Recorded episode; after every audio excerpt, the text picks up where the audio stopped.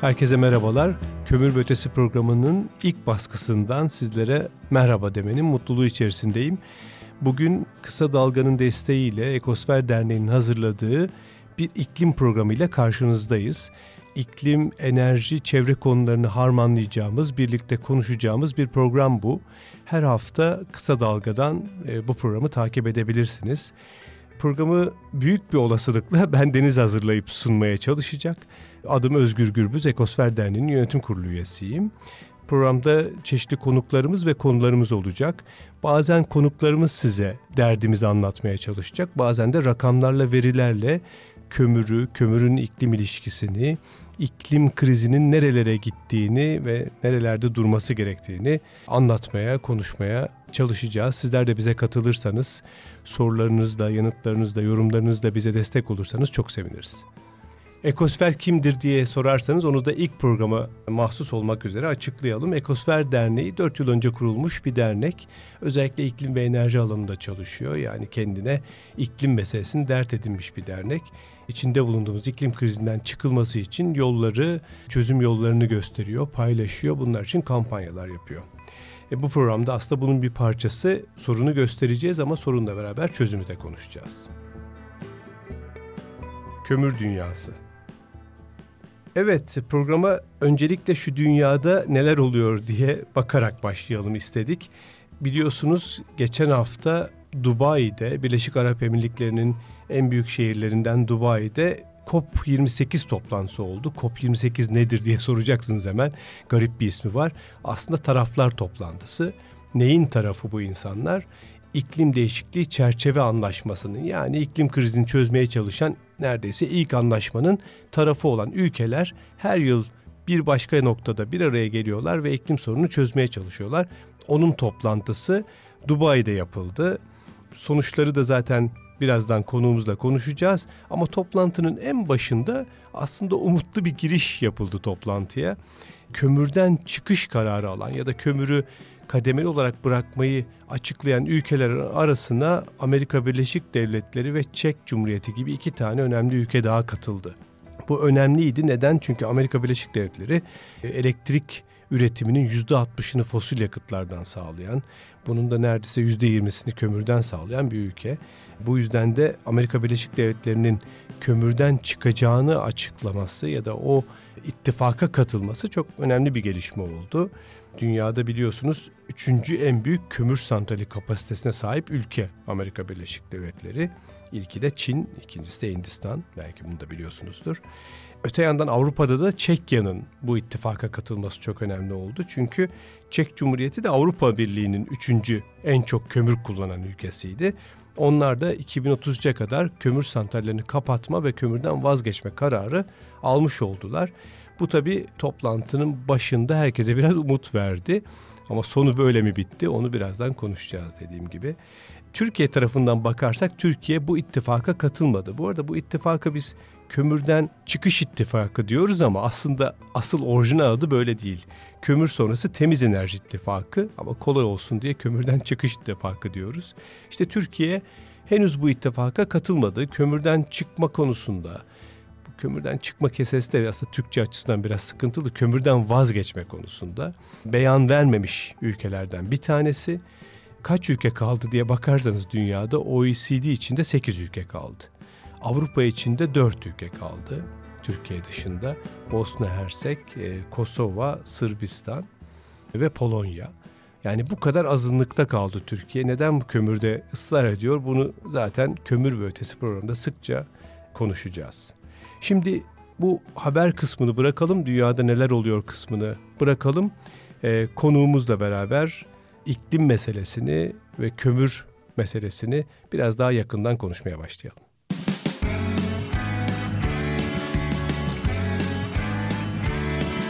Kulağınız bizde olsun. Kısa Dalga Podcast. Evet Elif Cansu İlhan, e, kendisi Avrupa İklim Eylem Ağı ya da İngilizce adıyla e, Climate Action Network Europe. Onun e, Türkiye İklim ve Enerji Politikaları sorumlusu konuğumuz. Hoş geldin Elif. Merhaba Özgür, teşekkür ederim davet için, hoş bulduk. Ee, biz teşekkür ederiz. Ayağının tozuyla ya da ayağının kömürüyle mi geldin ya da petrolüyle mi geldin bilmiyorum. Ee, Elif Cansu e, bir hafta kadar Dubai'deydin değil mi? E, COP28 toplantısını izliyordun yerinde. Evet e, bu ayın 7'sine kadar oradaydım. Dubai olunca sanırım ayağımın petrolüyle gelmiş oldum. Biraz da yenilenebiliri de var. Yoğun reklamını yapıyorlar ama yoğunlukla petrolle döndük Dubai'de. Evet zaten e, toplantının başkanı elbette ki o ülkeden seçiliyor. Hani buna alıştık o ülkenin bir temsilcisi ama bu sefer El Cabbar herhalde doğru telaffuzuyla bir petrol şirketi yöneticisi olması en başından toplantıya bir gölge düşürmüştü sanıyorum. Sonra da bir yorumu oldu. E, fosil yakıtlardan nedir fosil yakıtlar? Petrol, kömür, doğalgaz. Bunlardan vazgeçerseniz mağara dönemine dönersiniz gibilerinden bir iması oldu. The Guardian gazetesi bunu yazdı. İşte yalanlanmaya çalışıldı ama olmadı. E, ve bir skandalla aslında COP bir anlamda başladı. Başkanın kendisi fosil yakıtlardan çıkmaya inanmıyor ama orada bütün ülkeler toplanmış e, kömürü, petrolü, doğalgazı bırakmayı konuşuyor ya da konuşmasını ümit ediyoruz. Böyle başladı. Orada nasıl yankılandı bu gelişme? Aslında El Cabbar'ın ben de tam emin değilim El Cabbar şeklinde mi Türkçe'de ama COP28'in başkanı olması daha Dubai'ye gitmeden önce sivil toplum kuruluşları tarafından ciddi bir tepki çekti. Yani savaştığınız şeyin e, tam olarak gelip bir iklim konferansının başkanı olması. Yani bir sağlık konferansının başkanının bir sigara şirketi olması gibi bir şey. Doğrudan e, böyle bir şey bu. Sivil toplum kuruluşlarının to- çok tepkisini çekti. E, senin bahsettiğin gibi konferans sırasında Mary Robinson'la tartışması esnasında işte bilimsel raporlarda fosil yakıtlardan çıkış demiyor diye bir e, çıkışı oldu El Cabbar'ın. Tam olarak yaldızları döküldü aslında çünkü öncesinde e, şey ve sonrasında da şey gibi toparlamaları var aslında bir yandan fosil yakıtlardan çıkışın gerekli ve elzem olduğunu biliyorum ama işte bunun sürece yayılması gerekiyor falan gibi toparlama çabaları var. Bir yandan da tam e, COP28 öncesi Dubai'de yine farklı ülkelerle e, El Cabbar'ın başkan olduğu petrol şirketi ADNOC'un ve yine Dubai'de aynı gruba ait bir yenilenebilir enerji şirketinin anlaşmalar imzalamaya çalıştığına dair belgeler çıktı, sızdırıldı. Bu da ciddi şekilde hem sivil toplum tarafından hem devletler tarafından kınandı. E, yani çok şaibeli başladı, şaibeli devam ediyor ve e, işin kötüsü COP29 da yine bir petrol ülkesi olan Azerbaycan'a verildi. Gerçekten endişe verici yani COP'larda pek çok endişe verici şey yaşıyoruz ama e, en endişe verici taraflarından bir tanesi bu diyebiliriz sanırım. Sanıyorum bu kop bahane petrol şahane gibi bir güzellemeyle gidecek gibi gözüküyor. Ama bunu biraz anlatalım. E, bence dinleyiciler de bunu merak ediyordur. Şimdi bir iklim konferansı yapılıyor. E, iklim konferansına 200 civarında ülkenin temsilcileri geliyor. En üst düzey temsilcileri zaman zaman başkanları, başbakanlar, cumhurbaşkanları kimse o ülkenin en üst düzey temsilcisi o katılıyor. Çevreyle ilgili örgütler katılıyor, sivil toplum katılıyor ama bir yandan şirketler de var. Bu benim için çok tartışmalı bir yere doğru gidiyor. Onu açıktan söyleyeyim. Çünkü şirketlerle sivil toplumun müzakere etmesini ben anlayamıyorum artık. Neden anlayamıyorum? Tam da aslında o El Cabbar'ın dediği hani iklim değişikliğinin durdurmak için fosil yakıtlardan vazgeçmek bilimsel olarak hani ispatlanmamıştır gibi bir şey söylüyor ya bir iddiada bulunuyor. Tam da bu konuda aslında bir sorun var. Çünkü iklim değişikliği paneli yani yıllardır onlarca rapor hazırlayan IPCC İngilizce adıyla kurum tam da bize bunu söylüyor aslında. Ya ne diyor? İşte rapor. İklim krizini durdurmak istiyorsanız dünyanın ortalama yüzey sıcaklığındaki artışı bir buçuk derecenin altta tutmak istiyorsanız fosil yakıtlardan çıkmanız lazım diye binlerce bilimsel raporu var. Yani bütün bunlar üzerine bu konferans aslında oluyor. Ve siz bu konferansları giderek ya kömür şirketlerinin sponsorluğunda ya petrol şirketlerinin ya da ülkelerinin himayesinde yapmaya başlıyorsunuz. Burada adeta hani o artan yenilenebilir enerji, işte fosil yakıtlardan vazgeçme baskısını bastırmak için ev sahibini onlara vermek gibi bir şeye mi gidiyor acaba bu iş? Azerbaycan çünkü gerçekten bir sürpriz oldu. Ya da çok maliyetli bir işte sadece petrol şirketleri ya da petrol ülkelerin bunu karşılayabiliyor. Bu arada bu da olabilir. Açıkçası emin değilim yani. Gerçekten çok maliyetli bir iş. Azerbaycan'ın seçilmesi biraz garip bir durum oldu. Çünkü 5 Birleşmiş Milletler bölgesinden bir tanesinde yapılması gerekiyor KOP'un her yıl. Ve bu yıl Doğu Avrupa'da yapılması gerekiyor. Doğu Avrupa içinde Rusya, Avrupa Birliği ülkeleri, Azerbaycan, Ermenistan gibi ülkeler var. Ee, Avrupa Birliği ülkeleri Rusya ve Belarus'u, Belarus ve Rusya Avrupa Birliği ülkeleri Azerbaycan ve Ermenistan da birbirini veto ettikleri için aslında bir anlaşmaya varılamıyordu ve Azerbaycan seçilmesinin altından bir de barış anlaşması da çıktı. Ermenistan ve Azerbaycan karşılıklı bir anlaşmaya vararak işte karşılıklı esirlerin serbest bırakılması ve bunun bir barış anlaşmasının temeli olması gibi bir anlaşmaya vararak aslında Azerbaycan'da kopun yapılmasına karar verildi ama neden iki yıldır üst üste bu kadar gelirinin neredeyse tamamı petrolden gelen neredeyse doğrudan petrol şirketleri tarafından yönetilen iki ülkede oluyor? Bu bir tesadüf mü yoksa gerçekten de hani fosil yakıtlar kopun gündemine sivil toplum tarafından zorlanarak gerçekten 30 yıllık bir çaba sonrası getirilmişken bundan kurtulmaya çalışmanın e, bir çabası mı emin değilim. Evet. Yani aslında ev sahibi ülkeler kopun gidişatını etkilemese hani tarafsız kalsalar belki bu kadar konuşmayacaktık ama işte tam da bu sene Birleşik Arap Emirlikleri'nde bunu çok net gördük. Yani fosil yakıtlardan çıkma ümidiyle oraya gelindi. E, temel sonuç belgelerinden bir tanesinde küresel durum değerlendirmesinde e, bu ibarenin olması bekleniyordu. E, ama son anda işte bitmesine bir gün kala bu metinden çıkarıldı. E, yani böylesi bir müdahale yapıldı. Herkes halbuki bu konuda neredeyse en fikirdi ama nasıl çıkarılacak diyordu. Yani fosil yakıtlardan vazgeçeceğiz, kademeli mi vazgeçeceğiz yoksa ona sübvansiyonları mı keseceğiz? Mutlaka bir şey bekliyorlardı ama bir anda oralarda bir darbe yendi. Ee, çok ilginç fosil yakıtlardan çıkacağını söylemeyenlerin iklim krizi nasıl durduracağını bilmiyoruz tabii. Şimdi buradan aslında biraz da e, COP'ta ne elde edildiğini meselesine girelim. Benim de biraz önce söylediğim gibi ilk haber olumlu bir haberdi kömür meselesinden dolayı. İşte Amerika Birleşik Devletleri de artık kömürü hani bırakacağını neredeyse sinyallerini verdi. Ama o iyi haberin gerisi gelmedi galiba. Yani iyi haberin gerisi tam olarak gelmedi ama henüz tam olarak gelmeyeceğine de emin değiliz. Çünkü sivil toplum hala orada hold the line e, sloganıyla safları sıklaştıralım diyerek gerçekten... Evet, biz yayını yaparken aslında tam bir... sonuç belgesi belli değil. Yok şu anda evet, evet dediğin gibi tam sonuç belgesi belli değil ve e, hem sivil toplum hem e, örneğin küçük ada ülkeleri biz buraya ölüm fermanımızı imzalamaya gelmedik diyerek e, bu bahsettiğin küresel durum değerlendirmesi ve neredeyse neredeyse bir şey söylemeyen, neredeyse değil bir şey söylemeyen metni kabul etmediklerini e, beyan ediyorlar. Avrupa Birliği bir yandan kabul etmiyor çünkü artık neredeyse yine dediğin gibi kesin gözüyle bakılıyordu fosil yakıtlardan çıkışın bir şekilde o metinde yer almasına. E, ama işte kademeli çıkış olarak ama işte etkisi azaltılmamış olarak ama yer alacağı çok netti. Sivil toplum kesinlikle kabul etmiyor e, böyle bir sonuç metnini. E, yani henüz tam olarak e, kaybedilmiş e, sayılmaz. E, ama ben göreceğiz. şöyle görüyorum açıkçası burada. Yani bundan sonra o metne yeniden fosil yakıtlardan vazgeçme eklense bile sanıyorum baya bir hani gücü azaltılmış bir şekilde gelebilir. Çünkü bir taraf tamamen karşı çıkıyorsa biliyorsun müzakerelerde öbür tarafın yeniden en başa dönmesi kolay olmayacak. Sanıyorum ortada muğlak bir e, tarih vermeyen bir şeye dönme ihtimalinin yüksek olduğunu düşünüyorum. Biraz daha karamsarım belki o konuda.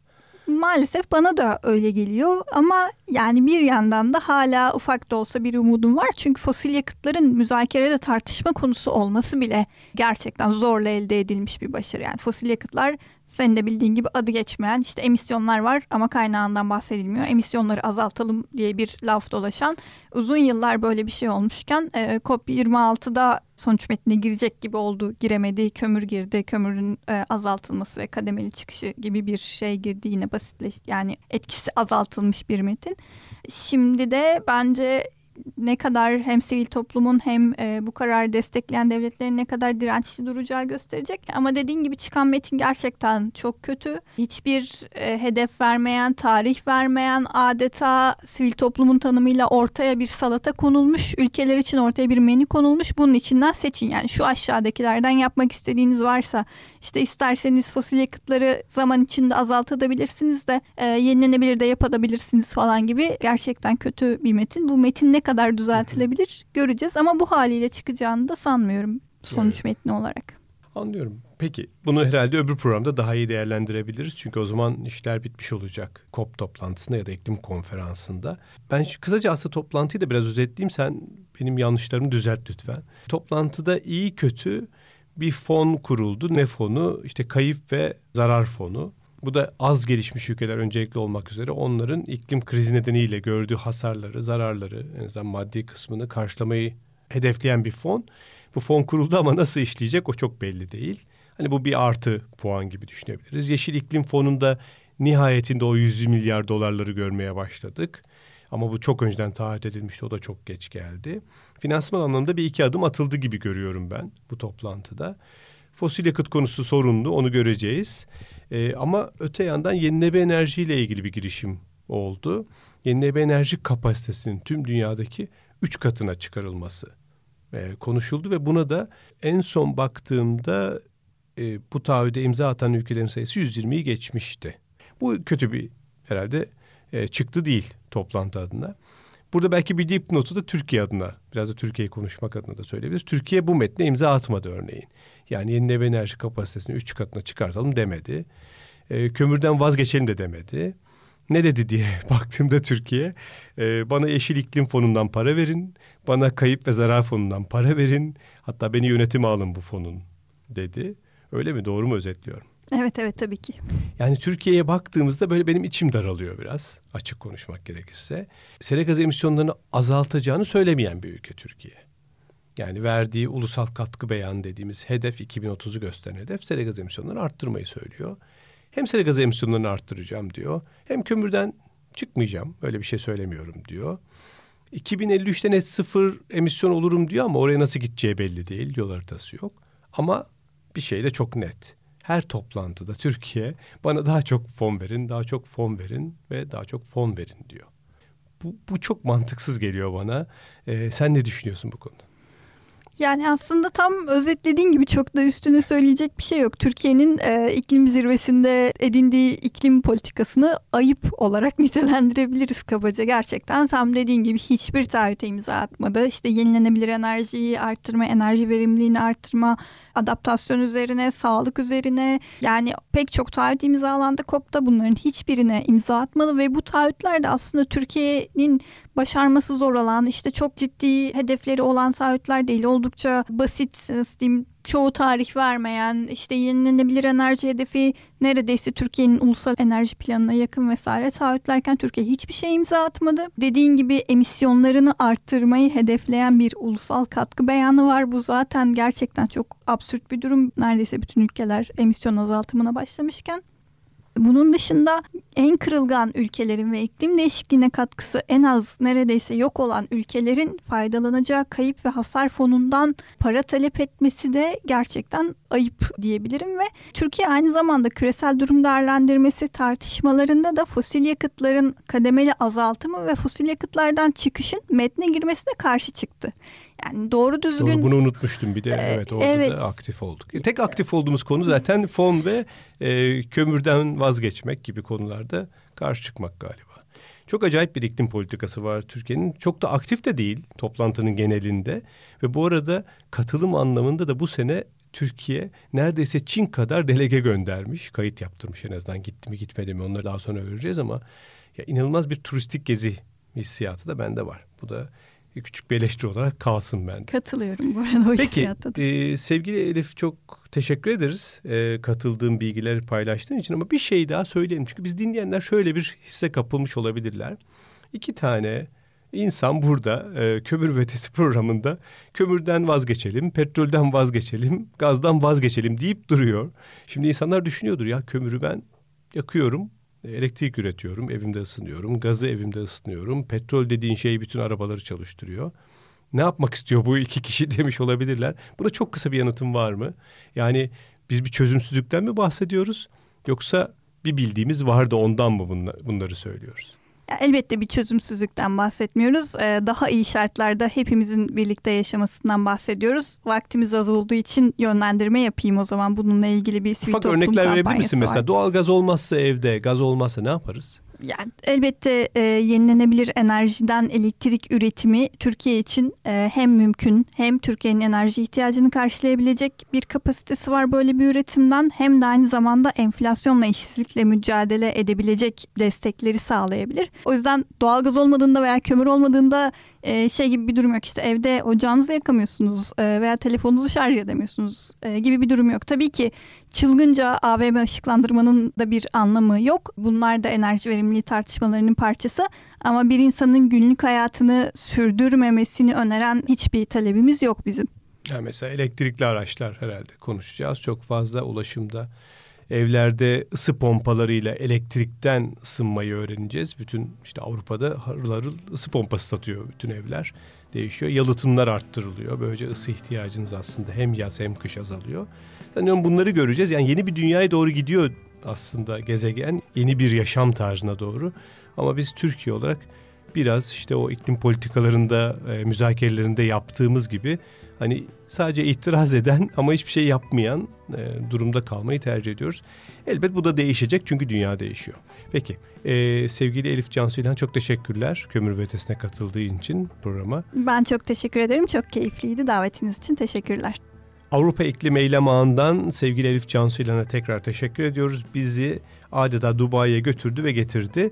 Şimdi programımıza rakamlarla kömür bölümüyle devam ediyoruz. Rakamlarla kömür.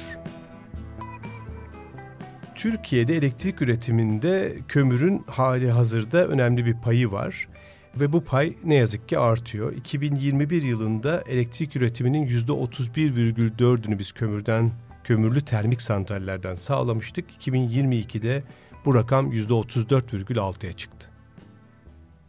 Amerika Birleşik Devletleri'nde son 20 yılda kömürün elektrik üretimindeki payı %50 oranında azaldı. Bu sürede gaz kullanımı bir başka fosil yakıt olan gaz kullanımı 3 katına çıktı. Biraz kömürü gazla ikame etmiş gibi gözüküyorlar. İklim için görece iyi bir şey ama çok iyi bir şey de değil. Ama ülkenin elektrik ihtiyacının %60'ının hala fosil yakıtlardan sağlandığını söylemeliyiz. Burada iyi haber ikinci sırada fosil yakıtları %21 ile yenileme enerjinin izlemesi ve onu da %18 ile nükleer enerji izliyor. Nükleer enerjinin payı da bütün dünyada olduğu gibi Amerika'da düşmeye devam ediyor.